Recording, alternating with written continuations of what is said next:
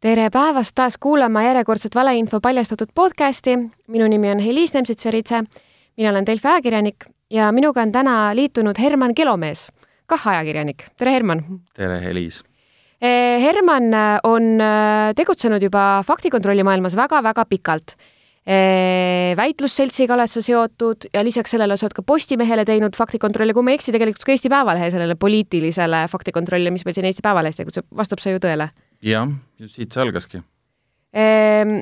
Ja sellel teemadel täna me vestlust natukene alustamegi, liikudes edasi siis äh, USA presidendidebattide poole, mis siis nüüd siin eile, eile öösel, jah, eile öösel meie kellaaja järgi oli esimene debatt ja neid tuleb siin ja veel ja veel aga, aga Hermaniga on hästi põnev just rääkida Eesti kontekstist alustuseks, eh, kuna ta on sellega nii kaua tegelenud. Ähm, Herman, räägi palun natukene, kas faktikontroll kui selline äh, on üldse vajalik žanr ajakirjandusmaastikul?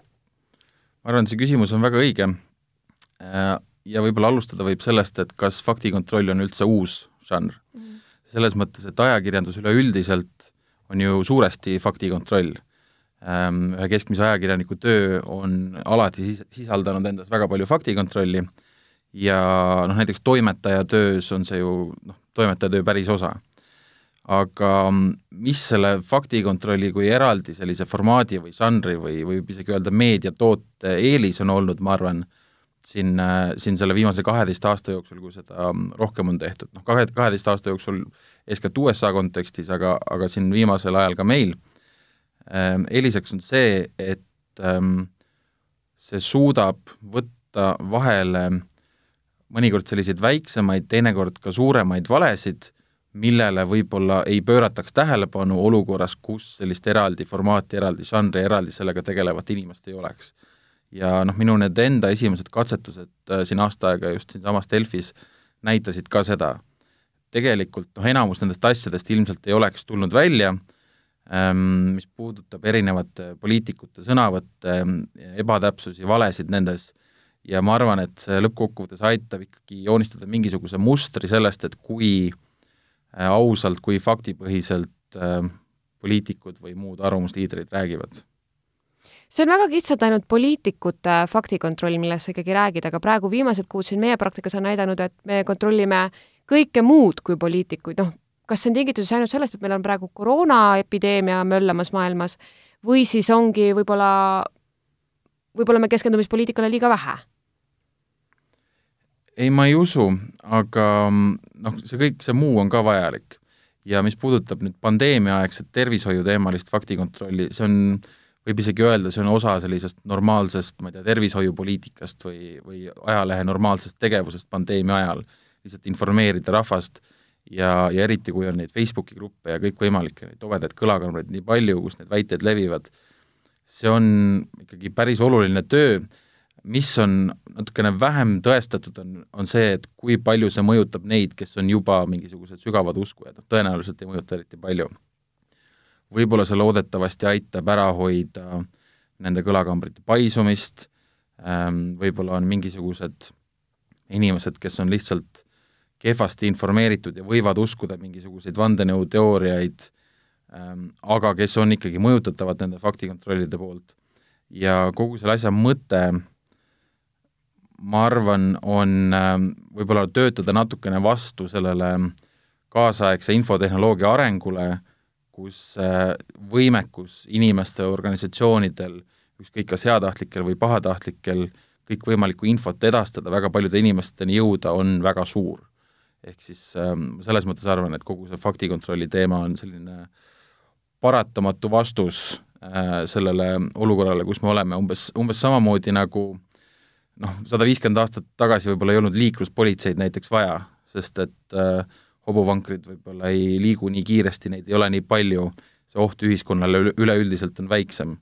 aga niipea, pea kui sisepõlemismootor leiutati, niipea see asi äh, muutus vajalikuks, nii on selle faktikontrolliga ka Eestis võib-olla on see veel natuke lapsekingades, aga kas usud siis, et nagu faktikontrolli tegiva, tegijad ajakirjanikud, ainult faktikontrollile pühendunud ajakirjanikud, saavad siis mõne aja pärast meie meediamajades ja toimetustes normaalsuseks? ma ei ole kindel, kas see oleks kõige parem lahendus või oleks kõige parem lahendus see, kus ähm, kus see fakti kontrollimine just sellise nagu eraldi meediatoote, eraldi rubriigina on kõigi uudisajakirjanike või arvamusajakirjanike või kõigi arvamuste, seisukohtade, infolaengutega kokku puutuvate ajakirjanike pärismaa, et mul, pärusmaa, et mul ei ole nagu kindlat eelistust selle osas. Äh,, mulle tundub lihtsalt see, et see, et meediaväljaandel on olemas plaan äh, teha faktikontrolli, olla sellele ühiskondliku infotulva ähm, sellisele suurele voolule vastukaaluks äh, nagu politseiks sellele, see on nagu eeskätt oluline millised on need ikkagi probleemid tänases äh, Eesti ühiskonnas või avalikus ruumis, inforuumis, äh, kuhu faktikontrollijad veel piisavalt ei ulatu, mis, kas on asju, mida me liiga vähe fakti kontrollime tänasel päeval? ma arvan, et äh, me fakti kontrollime liiga vähe ainuüksi sellepärast, et meil on ressurssi selleks liiga vähe. sa oled selleks, seda kindlasti ise ka kogenud äh,, eriti mis puudutab nüüd kõikvõimalikke uhuu-teooriaid ja asju, vot see on, ma arvan, hästi keeruline küsimus ja ilmselt mitte lahendatav enne, kui mingisugused faktikontrolli robotid, botid on sellisel tasemel, et nad suudavad teha äh, sama efektiivset tööd kui need teistsugused botid selle valeinfo levitamisel Äh, lähtudes lihtsast loogikast, et äh, sa võid vandenõuteooria, mingisuguse libauudise lihtsalt välja mõelda ja samal ajal selle kontrollimine, faktipõhiselt ümberlükkamine on tohutult palju keerulisem töö. Et see on selles mõttes, mõne, mõnes mõttes võitlus tuuleveskitega, ma kardan sa tõid praegu välja need uhuu, uhuu, uhuu meditsiini ja, ja, ja eba, ebameditsiini arvamusavaldused või faktiväited nii-öelda siis, millega me igapäevasti kokku puutume. aga muus osas, et ikkagi, kas see poliitiline avalik ruum eh, on puhas, kas ta võiks olla puhtam? jaa, loomulikult. ja kindlasti saab öelda seda, et äh, viimasel aastakümnel on sellist nagu lausvaletamist, lausdemagoogitsemist tulnud rohkem esile selle läänemaailmas üleüldiselt vohava populismi tendentsi mõjul. Ja faktikontrollijate üks peamine probleem, ma arvan, on äh, sellise erapooletuse, sõltumatuse mulje, kuvandi säilitamine, sellepärast et äh, kui me oleme situatsioonis, kus äh, kus väga suur osa faktivigadest, tõemoonutustest tuleb ühest poliitilisest spek-, spektrist, siis me loomulikult oleme ka situatsioonis, kus kus meile öeldakse, et noh, te ju teete ainult Martin Helmele faktikontrolli. Te olete poliitiliselt kallutatud. kuigi noh, tegelikult seda situatsiooni, kui ma võrdleks näiteks jalgpalliga, siis kui sul on üks äh, mängija, kes on oluliselt agressiivsem ja teeb rohkem vigu kui mõni teine mängija, siis see mängija peabki saama kollaseid ja punaseid kaarte rohkem kui need, kes ei ole seda ära teeninud. ja see, et, ähm, et, et ühele mängijale on neid karistusi juba üksjagu antud, see ei saa olla kohtu, kohtuniku jaoks põhjendus, et noh, et võib-olla ma jätan siit mingisuguse erapooliku mulje. ja, ja see on selline päris korralik kahvel, kus me selle teemaga selles mõttes oleme, et meil, meil nagu päris erapooletut muljet jätta ongi väga raske, noh USA-s näiteks meediaväljaannete usaldusväärsused ongi päris madalad, kuigi nad teevad fakti kontrollimisel head tööd. Ehm, siin natuke tuli välja see, millele viimasel ajal Eesti poliitilises ka nagu kultuuriruumis võib nagu tähelepanu juhtida, et faktikontroll on saanud nagu mingisuguseks ähm, ma ei taha öelda sõimusõnaks, aga mingisuguseks terminoloogiliseks asjaks, mida siis ka nüüd poliitikud ise omavahel litivad, et teen sulle faktikontrolli ja sinu fakte on vaja täpsustada ja ja sa valetad ja sa vajad faktikontrolli. kas see siis näit-, mida see näitab, kas nüüd siis faktikontroll ongi sisuliselt erapooli, poolikuks asjaks kujunenud? selle nähtuse üle mul on iseenesest hea meel sest et see tähendab, et äh, see žanr, see meediatoode on äh, ennast enda kanda kinnitanud ühiskonnas ja iseenesest see, et ka võib-olla sellised otsesõnu erapoolikud väljaanded või ka poliitikud seda faktikontrolli formaati kasutavad, on iseenesest hea, sest et sellega nad lähevad äh, sellele mänguväljale, kus on nendega lihtsam tegeleda, ehk siis kehvasti tehtud faktikontrolli on omakorda võimalik fakti kontrollida. Faktikontrolli eeldus on, on ju see, et meil on mingisugune konkreetselt sõnastatud väide ja selle kommenteerimiseks, tõestamiseks, ümberlükkamiseks on toodud mingisugune konkreetne tõestusmaterjal, mis on ikkagi midagi palju konkreetsemat kui lihtsalt mingisugune demagoogia kontroll või argumentatsiooni analüüs või sellised asjad. et see, see, kui demagoogid ja valetajad ise sinna faktikontrolli põllule lähevad, see on ainult hea ma natuke siin tahtsingi tegelikult saade teises pooles selle teemani jõuda, aga juba jõudsime, väga tore, on see demagoogia ja, ja faktiväidete nagu vahe ehm, minu meelest äh, näiteks kui USA faktikontrolli niisugust meediaruumi võrrelda ja meid siin võrrelda, siis Eestis kontrollitakse niisuguseid konkreetselt väga valesid asju, mis on niisuguse suure ulatusega ning mis võib-olla mõjuvad kuidagi sensatsiooniliselt inimestele. me ei kontrolli absoluutselt kõiki vale demagoogilisi väiteid. Äh, kas me peaksime ka demagoogiat kuidagi rohkem või demagoogilisi võtteid rohkem fakti kontrollima? see teoreetiline vastus on kindlasti jah, äh, praktiline vastus on see, et ähm, see nõuab palju rohkem ressurssi, see nõuab palju läbimõeldumat metoodikat, kui see on faktikontrolli puhul, faktikontroll, ma ütleks metoodiliselt, vähemalt teoreetiliselt on suhteliselt lihtne asi võrreldes demagoogia kontrolliga. Sest et äh, demagoogilisena mõjuv väide võib olla mitte demagoogiline, väga tõesena mõjuv väide võib olla demagoogiline. Eesti Väitlusseltsis me ka omal ajal tegelesime selle teemaga üksjagu, me üritasime teha äh, sellist väitlusseltsi kolumnit Postimehes, kus me teemegi sellist demagoogia analüüsi. see kogemus lõpuks näitas seda, et need meie kirjatööd, äh, mi-, mida tegid vabatahtlikud inimesed, kes ei saa selle eest palka, inimesel, kellel on piiratud aeg selle tegemiseks, et meil ka isekeskis tekkisid erimeelsused teineteise hinnangute suhtes, mida me siis Postimehes Eesti Väitlusseltsi nime alt avaldasime, siis me saime aru ka sellest, et et see ei ole nii lihtne ja nüüd, kui sa tõidki sisse selle, et USA-s tehakse seda palju rohkem, siis USA-s on võimalik teha seda palju rohkem, sest seal on palju rohkem ressursse.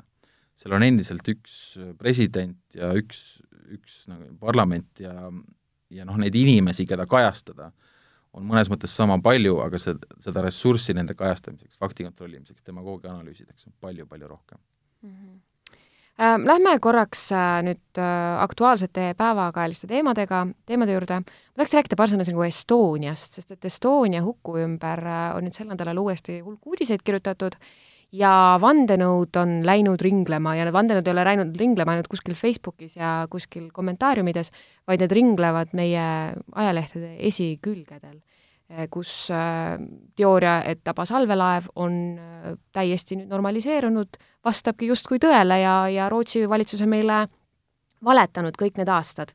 ja sa ise kirjutasid Päevalehes mõne päeva eest järgmist, ma nüüd tsiteerin sind.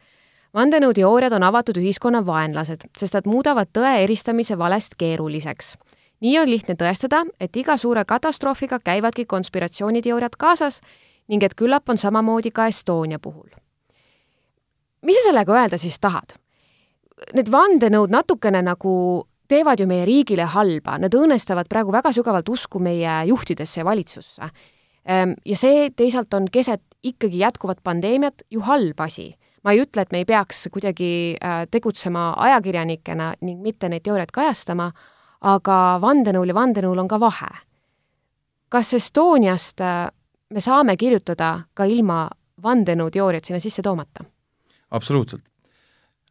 ma arvan, et äh, Estonia kaasuse ähm, peamine probleem on see, et see, kuidas on kommunikeeritud fakte, tõestatud fakte, seda üheksakümne seitsmenda aasta lõppraportit äh, ja kõike vahepealset on olnud kehv.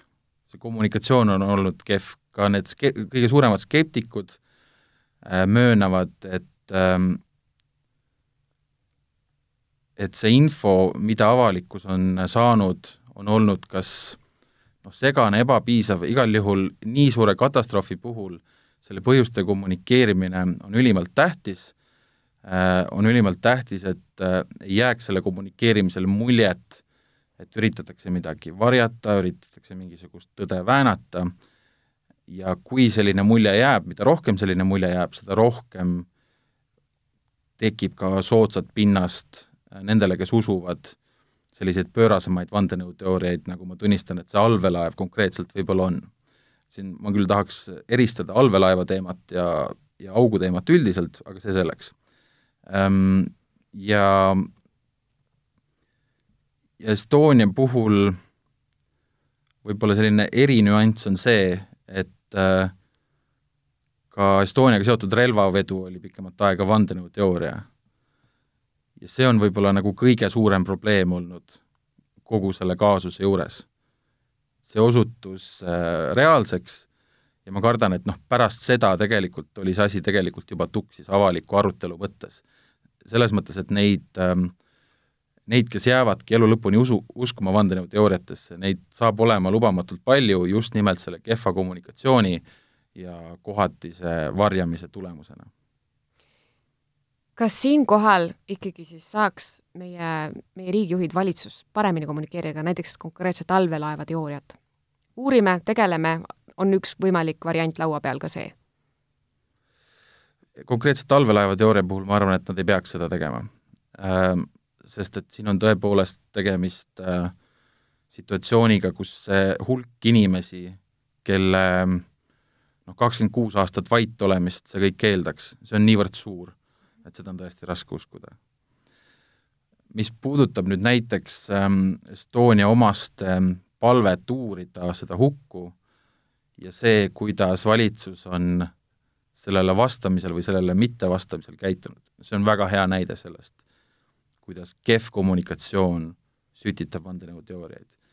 kõige viimases Ekspressis Tiina Jõgeda kirjutas näiteks sellest, kuidas kommunikeeriti hästi kehvasti seda, miks on vaja hauarahu, miks on vaja vrakki betooniga katta, kuigi me oleme viimastel päevadel lugenud ka selgitusi, mis kõlavad täiesti loogiliselt ja arusaadavalt, eriti kui need on sellistes stressisituatsioonides äh, tehtud otsused ja võetud seisukohad.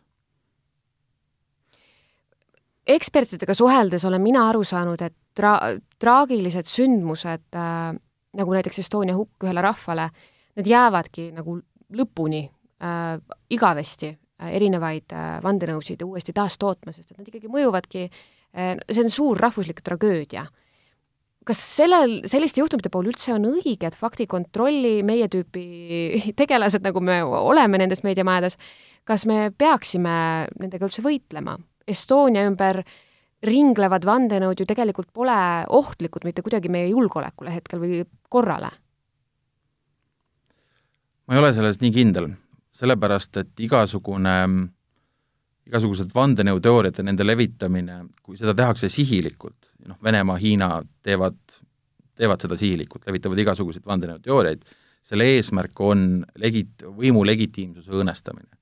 ka siis, kui see võim on noh, sisuliselt objektiivselt legitiimne, rahva poolt valitud, õig-, õig-, õiguslike, õigete protseduuride tulemusena võimule saanud, nende eesmärk on õõnestada seda autoriteeti. ja sellepärast ma arvan, et nendega pigem peaks võitlema Estonia puhul nüüd konstruktiivsel poolel midagi öeldes, mulle tundub, et see lahendus võiks olla see, et ähm, ja ma tahan, pean võib-olla eraldi välja ütlema selle, et Äh, nii mina kui ka näiteks Margus Kurm absoluutselt ei välista seda, et äh, see, äh, mida peetakse siis Estonia huku ähm, käiguks seal lõppraportis, vastab tõele. aga seal lõppraportis on kohti, kus spetsiifika vee liikumine läbi laeva, kus ta sisenes, on kirjeldatud niivõrd lakooniliselt, ilma igasuguste jooniste ja arvutustega, arvutusteta et vot selle vea peaks nüüd parandama, et see lahendus võiks olla see, et see riik paneb ressurssi mitte ainult selleks, et me läheme seda laevakere uurima, mida peaks tegema, vaid et meile tekib avalikkusele võimalikult mõistetav, noh näiteks mingisugune portaal, mingisugune 3D mudel interaktiivne, mida me saame ise näppida, kus on väga selgelt näidatud, missugustest, ma ei tea, ventilatsioonishahtidest või kust, kust iganes see vesi liikus. et me saaksime palju-palju selgema pildi. ja, ja niisugust võimalikult head, selget kommunikatsiooni tasub soovida valitsusele ja faktikontrollijatele on siin jah roll, nemad saavad näidata välja, nii nagu mina praegult üritan välja näidata seda, et äh, on kohti, kus ma tahaks nagu teha faktikontrolli ja kus ma pean järeldama, et andmeid on ebapiisavalt. Äh, ma arvan, et see tõde kannabki endas võib-olla seda kõige õigemat faktikontrolli põhimõtet, mida me siingi püüame vaikselt järgida, see, et et inimene saaks seda tõestada ka ise omadel jõududel ja tõepoolest, sul on õigus, ma nõustun sinuga selle Estonia koha pealt, et seda on väga raske, seda informatsiooni leida.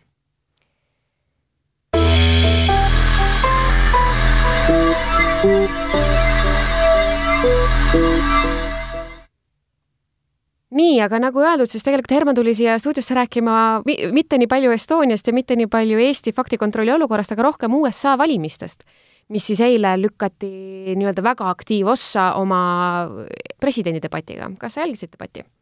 jaa. mis su kahjuks küll kahjuks. mis mõtted sul tekkisid?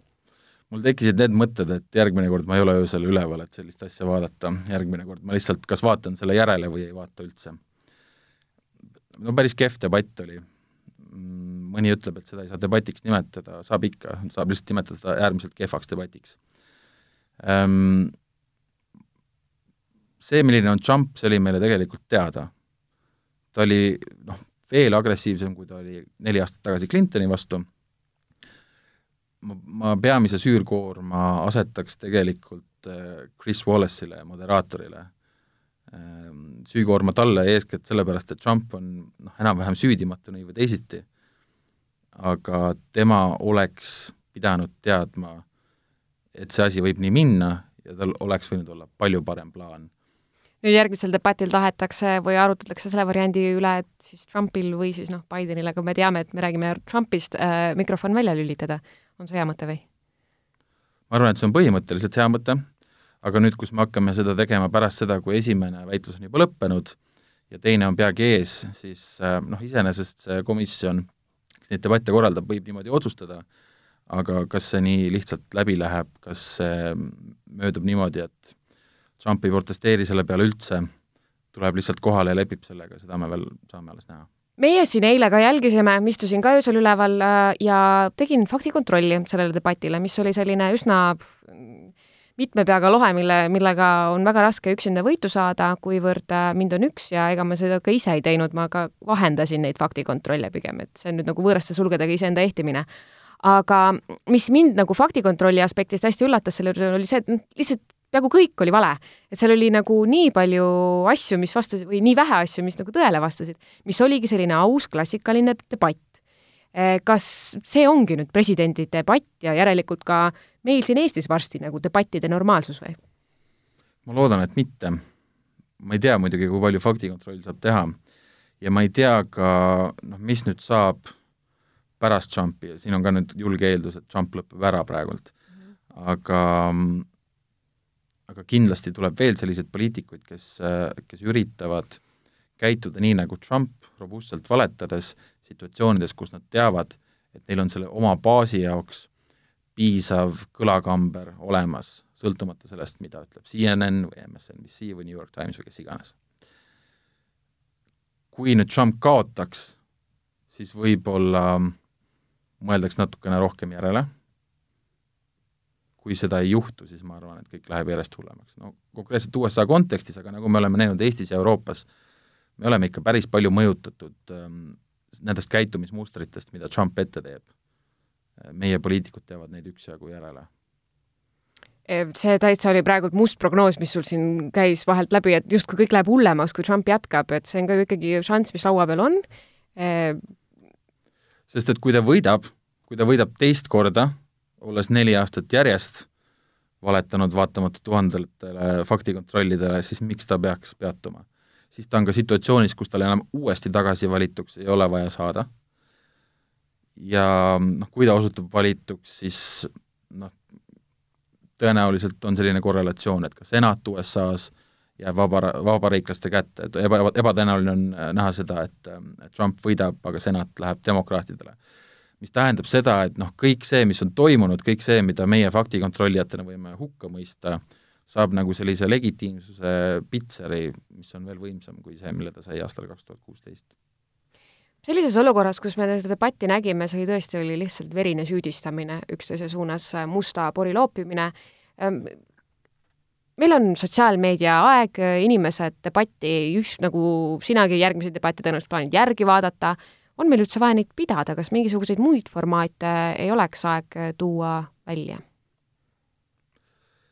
sellistel ei ole suurt mõtet jah, sellistel debattidel, või siis võib-olla kui on, nende jaoks, kes tõesti ei ole ikka veel otsustanud, kelle poolt nad hääletavad, keda on praegult päris vähe.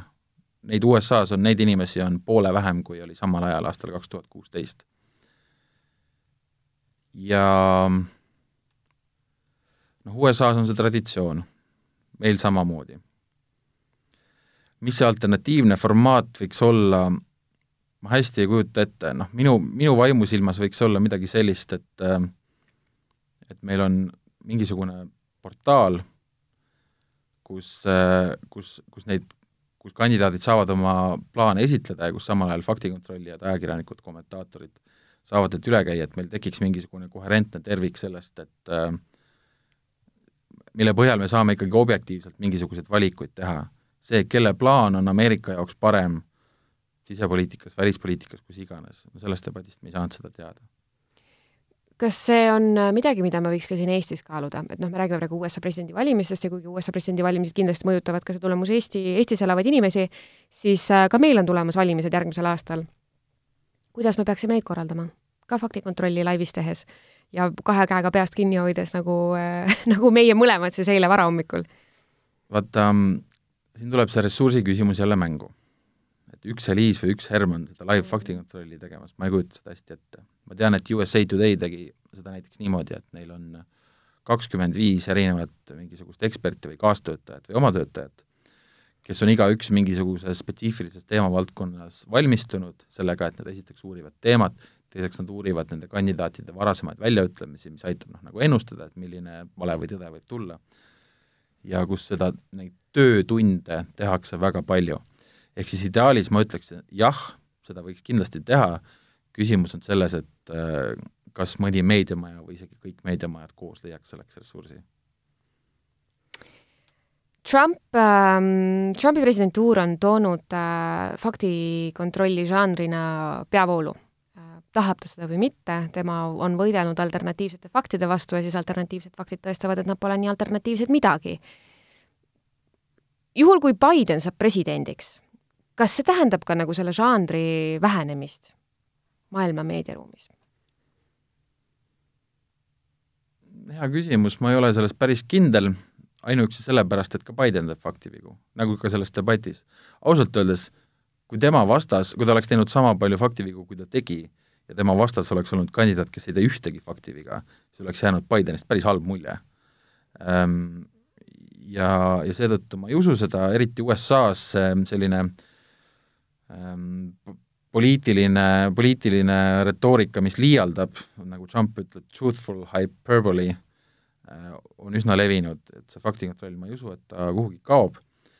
Äh,. Noh, näiteks Eesti kontekstis ma hästi ei tahaks seda ka uskuda, sest et äh, noh, me ei pea siin nagu tänaseid nimesid nimetama, aga meil on olnud aastakümneid Edgar Savisaar, on ju, et ähm, et seda nõudlust see, et nüüd kaoks nõudlus faktikontrolli järele ära, mul on nagu raske ette kujutada, siis me peaksime mingisugusele järgmisele ühiskondlikule arengutasemele või üleüldse mingisugusele inimaju mutatsioonini jõudma, et, et et inimesed lihtsalt enam ei usu valesid. see vist inimloomuses on juba vaikimisi iseennast ja olukorda ilusamaks ja paremaks rääkida, nii et, et see lihtsalt on ka välistatud? ma arvan, jah, inimese loomuses on täita lünki, arusaamatuse lünki seesama Estonia teema, millest me enne rääkisime, on täpselt samasugune. Äh, asjad, mida on keeruline mõista, kuigi, kuigi meil oleks loogiline järelda, et see on liiga keeruline, et mina seda võiks mõista ja ma pean järeldama seda, et ma lihtsalt ei tea, mis tõde on. selle asemel meie instinkt on ikkagi see, et me täidame selle lünga millegi muuga. noh, me oleme aastatuhandeid Jumalasse uskunud. see on nagu võib-olla kõige parem näide sellest seda siiamaani ka teadus ei julge tõestada, et Jumalat ei ole olemas, sest et see läheks liiga vastuoluliseks, mis räägib vastu sellele erapoolikuse kriteeriumile, mida ongi väga raske hoida. Äh, ma tahan lõpetuseks äh, küsida seda, kuna sa oled juba viimased nädal aega olnud äh, mees ilma maata, ilma ühegi lepinguta, nii et sul on nagu vaba voli kritiseerida Eesti ajakirjandust ja Eesti meediat ja Eesti faktikontrolli ruumi nagu siis üldse laiemalt milliseid probleeme sa näed siin Eesti meediaruumis täna? ka nagu ma ütlesin, mitte ainult faktikontrolli aspektist kitsalt seda võib ka võtta kitsalt faktikontrolli aspektist, kuigi laiemalt kui ainult selle faktikontrolli kui eraldi žanri või formaadi kontekstis. Ehm, see sõna ressurss tuleb mul nagu kogu aeg üle huulte terve selle meie vestluse vältel ja eks ma ka Postimehe majas nägin seda, et lihtsalt see ajalise ressursi puudus tähendab kiirustamist, tähendab ähm, piisava aja puudumist faktikontrolliks noh, kõik, kõik, nii sinu koduväljaanne kui ka minu endine koduväljaanne, me teeme neid äh, vigu jätkuvalt äh,, sellepärast et äh, meil ei ole piisavalt aega, et äh, teha paremini kindlaks, et kõik on täpne. ja seis on hästi keeruline ikkagi, arvestades seda, mis toimub meediaturuga äh,, kuidas seinad meie ümber tõmbuvad kokku nii-öelda loodetavasti me leiame mingisuguse parema mudeli, et ühiskond ähm, vähemalt pärast seda kriisi muutub jõukamaks, muutub arenenumaks ähm,, selles ühiskonnas on järjest rohkem inimesi, kes soovivad panustada oma isiklikku raha selleks, et osta need paketid, lausa reklaamivabad paketid ähm,, ja, ja et maksta ajakirjanduse eest. see on nagu minu selline põhiline mure et kas, kas me ühiskonnana jõuame sinna kohta, kus me, kus me väärtustame ajakirjandust nii palju, et me maksame selle ise ka kinni, või siis me oleme need, kes, kes küsivad sõpradelt, et kuule, jaga mulle seda lugu, see on maksumüüri taga ja ja kurdavad selle üle, et reklaame on liiga palju ja et liiga paljud asjad on maksumüüri taga. aitäh sulle, Herman, tulemast! Ähm, soovin su uutesse projektidesse hästi palju edu ja see on minu poolt kõik. kohtumiseni, kuulmiseni järgmises podcastis! aitäh sulle!